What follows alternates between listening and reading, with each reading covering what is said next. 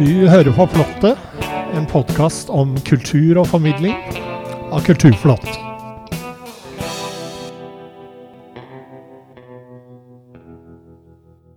Denne julen har vi besøk av hele 29 artister. De gir oss innblikk i det de liker aller best musikk, formidling og kreativitet. I Flottet har vi også en full adventskalender denne gangen. Hver dag får vi en tekst om mytene ved julen, skrevet og fremført av forfatter, dramatiker og mytolog Terje Nordby. Så her er det mye å glede seg til, folkens. Mitt navn er Bård Andersson.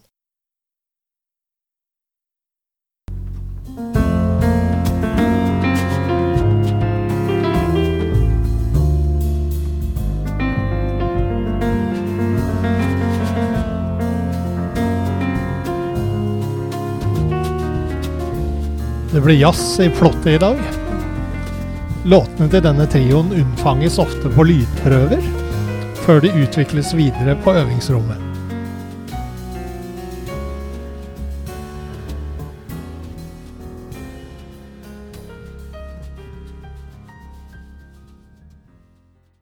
I dag har vi fått besøk av Helge Lien fra Helge Lien Trio. Eh, velkommen.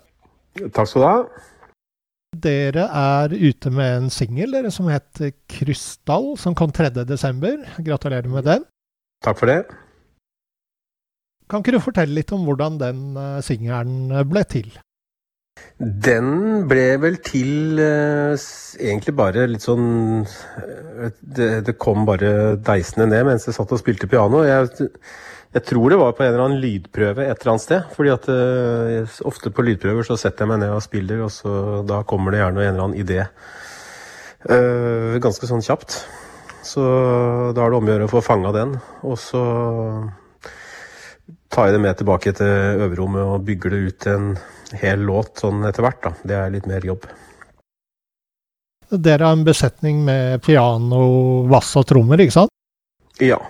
Det er liksom den klassiske, eh, klassiske pianotrio-besetningen som det fins uh, helt sinnssykt mange band som har akkurat det, for så vidt. Men, men det er en veldig fin besetning å jobbe med for en pianist.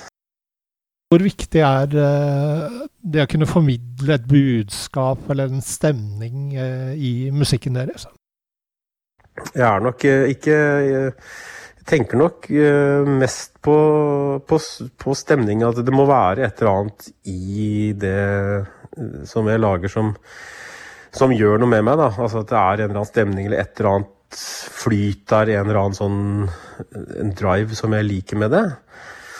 Um, som på en måte gjør at jeg blir liksom dratt inn i det.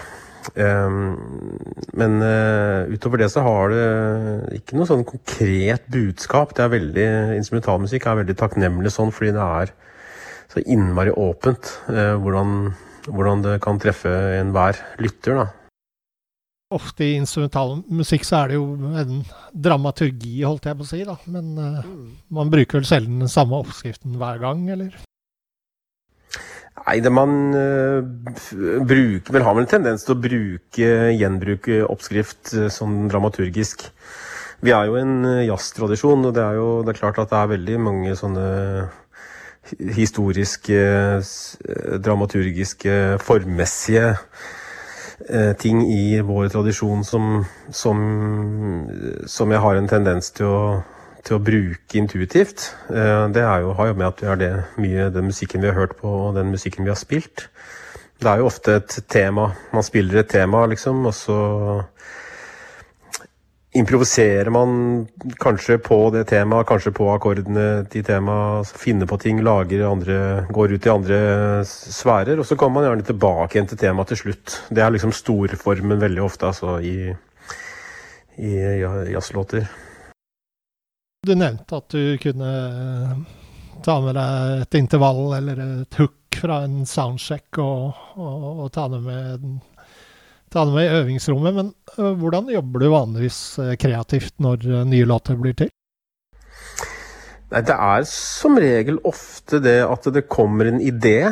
Um, og det er som sagt ofte på Det kan komme hvor som helst, altså. Men Det er noe med lydprøver, fordi at uh, du kan tenke deg uh, Kanskje man er, kanskje har vært ute og reist en hel dag. Jeg har stått opp, uh, dratt på en, en, togstasjon eller en flyplass og flydd et sted. Og så kommer man fram, og så kanskje man slapper av litt, og så kommer man inn på det stedet man skal spille, som da er et konsertsted. ikke sant? Og det er et godt instrument, kanskje. og og det er annen Det er noe spesielt altså, med å komme inn på en scene og sette seg ned med et piano der. Det er noe annet enn å sette seg ned på et øverom eller hjemme i stua.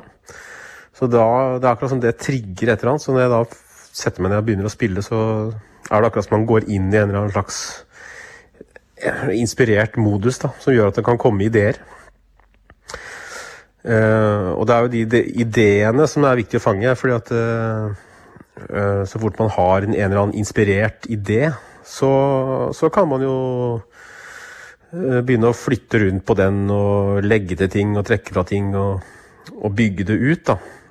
Eh, men jeg er liksom opptatt av at det må være et eller annet sånn inspirert øyeblikk i, i kjernen av det.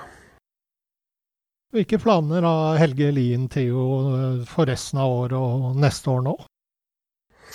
Du, nå i desember tar vi juleferie. Til neste år skal, vi spille inn en uh, ny plate med en saksofonist som heter Tore Brunborg. Eh, samarbeidsprosjekt som jeg holdt på med et par år. Eh, det skal vi begynne med helt i starten av januar. Og så slipper vi den uh, plata da, som heter Revisited. Eh, hvor Krystall er en av låtene på den, da. Og det, det skjer i, i, slutten av februar. Og så skal vi spille litt konserter i Norge og litt i Tyskland og, og sånn. Så det er ganske Ja, jeg ser positivt på, på framtida akkurat nå. Det ser ut som at det kan bli, bli en del eh, konserter utover, da. Det nærmer seg jul raskt. Hva betyr julen for deg? Ja, jeg, eh, altså jeg er glad i jula, ja. Så det er jo først og fremst bare å, å kunne slappe ordentlig av og sone helt ut. Eh, jeg pleier ikke å stresse så fælt i jula, for å si det sånn. Så det er å treffe familien. Og akkurat i år så blir det spesielt fordi i fjor så, så kunne vi ikke være sammen alle sammen i familien vår. Så, så i år så gleder jeg meg veldig til å liksom ha julekveld med alle sammen. og mor og far og søsken og sånn. Um, men jeg, er glad i jula. Jeg, får julestemning. altså Jeg hører faktisk på julemusikk av og til og, og syns det er, er, veldig koselig. altså. Sånn, apropos det, har du en favoritt julesang? Det hev ei rose sprunget er jo egentlig favoritten julelåta mi, altså, må jeg si. Den uh, syns jeg er helt fantastisk. Den, jeg har spilt den uh, noen ganger også, da, med uh, med Silje Nergård har vi spilt en, en trio-versjon av den, med, med instrumentalversjon av den, da, på noen julekonserter med henne. Og, så, så det Ja, ellers er det Det er jo utrolig. Jeg syns jo faktisk en ting som er veldig koselig, er jo Sissel Kyrkjebø sin juleplate, den, eh, den, står seg, altså. Den, eh, det er sånn som, eh, som, alltid gir julestemning. Jeg hører ikke så mye på sånn type musikk ellers i året, men ellers er det jo veldig mye fine det, De der gamle med Ella Fitzgerald og, og sånn også er jo Elvis Presley sin juleplate. Er jo, det er veldig mye fine sånne gamle ting. ja. Jul er jo også film for mange. har du en favoritt julefilm også? Ja, det må faktisk bli den som heter 'Hjem til jul', altså. Eh, Bent Hamer sin eh, snodige film. Den eh, traff meg i, mellomgulvet, altså. Syns den var en veldig flott film. Så det, og Der er det også en nydelig, en helt fantastisk julelåt av Maria Mena. Som, som er et av de bedre tilskuddene i nyere tid, syns jeg. Til julekatalogen. Tusen takk for at du kom til flotte Helgelien. Det var veldig hyggelig. Da hører vi Krystall med Helge Lien Trio.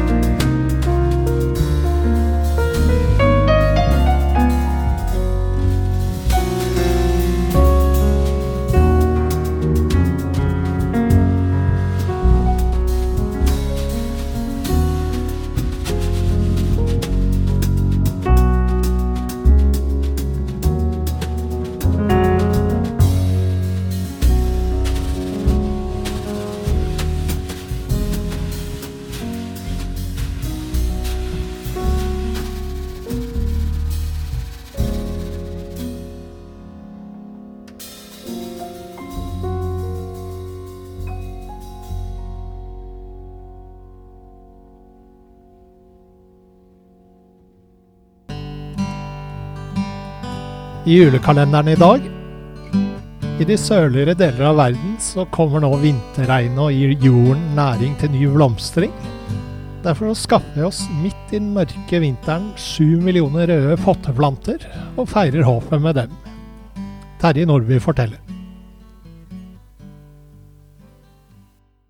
Den fattige meksikanske jenta Pepita manglet en offergave til gudstjenesten julaften. Da hun gikk til kapellet med sin fetter Pedro, var hun lei seg fordi hun ikke hadde noe å gi Jesusbarnet. Pedro trøstet. Jeg er sikker på at han vil ta imot selv den mest ydmyke gave, om den bare er gitt av ekte kjærlighet. Hun knelte ved veikanten, plukket noen markblomster og urtevekster og formet en bukett. Men da hun betraktet den pjuskete oppsatsen, ble hun flau, og ved landsbykapellet sloss hun mot tårnet. Hun gikk mot alteret, husket Pedros ømme ord, kjente seg bedre til mote, knelte og la buketten ved foten av bildet av Jesusbarnet. Akkurat da markblomstene berørte gulvet, forvandlet de seg. Nye, dyprøde, stjerneformede blomster sprang ut. Fra den dagen ble disse blomstene kjent som Den hellige nattens blomster. Det er den vi kaller julestjernen. Som legenden stammer også den virkelige julestjernen fra Mexico, der den ble dyrket av aztekerne, som mente at saften fra blomsten var febernedsettende. I dag selges det årlig sju millioner julestjerner i Norge. Ingen andre blomster kan konkurrere. Den første amerikanske ambassadøren i Mexico, hobbybotanikeren Joel Roberts Poinsett, tok den med seg til Sør-Carolina i 1825 og oppkalte den etter seg selv. Han døde 12. desember i 1851, og slik har denne dagen blitt julestjernedagen i USA. Senere tok tyskeren Albert Ecke planten med seg til Hollywood, dyrket den der og begynte samtidig på en langvarig foredlingsprosess. Julestjernen ble videreutviklet annet av Tormod Hegg fra Lier, som fikk til en plante med sideskudd og oppkalte den etter barnebarnet Anette. Det var botanikken, men julestjernen har også dype mytologiske spor. Vår frue av Guadalupe er en av jomfru Marias titler med helligdom i Mexico by. Blomster er også knyttet til legender om henne, som ellers er skytshelgen for hele Mexico. Den aztekiske modergudinnen var fryktinngytende, gavmild, heslig og strålende. Som jorden selv forsynte hun menneskene med alt de trengte for å overleve, som sitt himmelske aspekt var hun Melkeveien. Hun er også kjent som Tonantzin, vår hellige mor, eller som Teteo Inan, gudemoren. Hun er en som alltid har vært der, bodd i jordens indre siden tidens begynnelse, og har også et tredje navn, Xochi Quetzal, en sjenerøs utøser av jordens gaver, en blomstergudinne. I subtropiske strøk kommer nå vinterregnet og gir jorden næring til ny blomstring. Sånt noe har ikke vi i Norden, derfor skaffer vi oss midt i den mørke vinter sju millioner røde potteplanter og feirer håpet med dem. Les daglige kulturnyheter på kulturplott.no, og få med deg dokumentarer, eksistensielt stoff og kultur i papirmagasinet Kulturplott. Plottet var ved programleder og teknisk ansvarlig Bård Andersson.